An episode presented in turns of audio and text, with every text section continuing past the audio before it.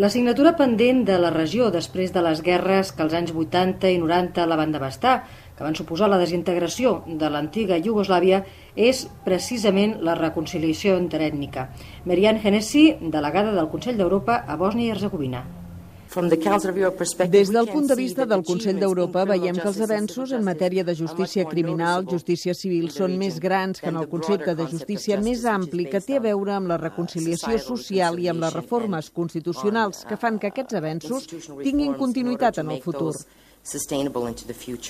A la conferència participen personalitats de l'àmbit polític, la societat civil i les institucions internacionals.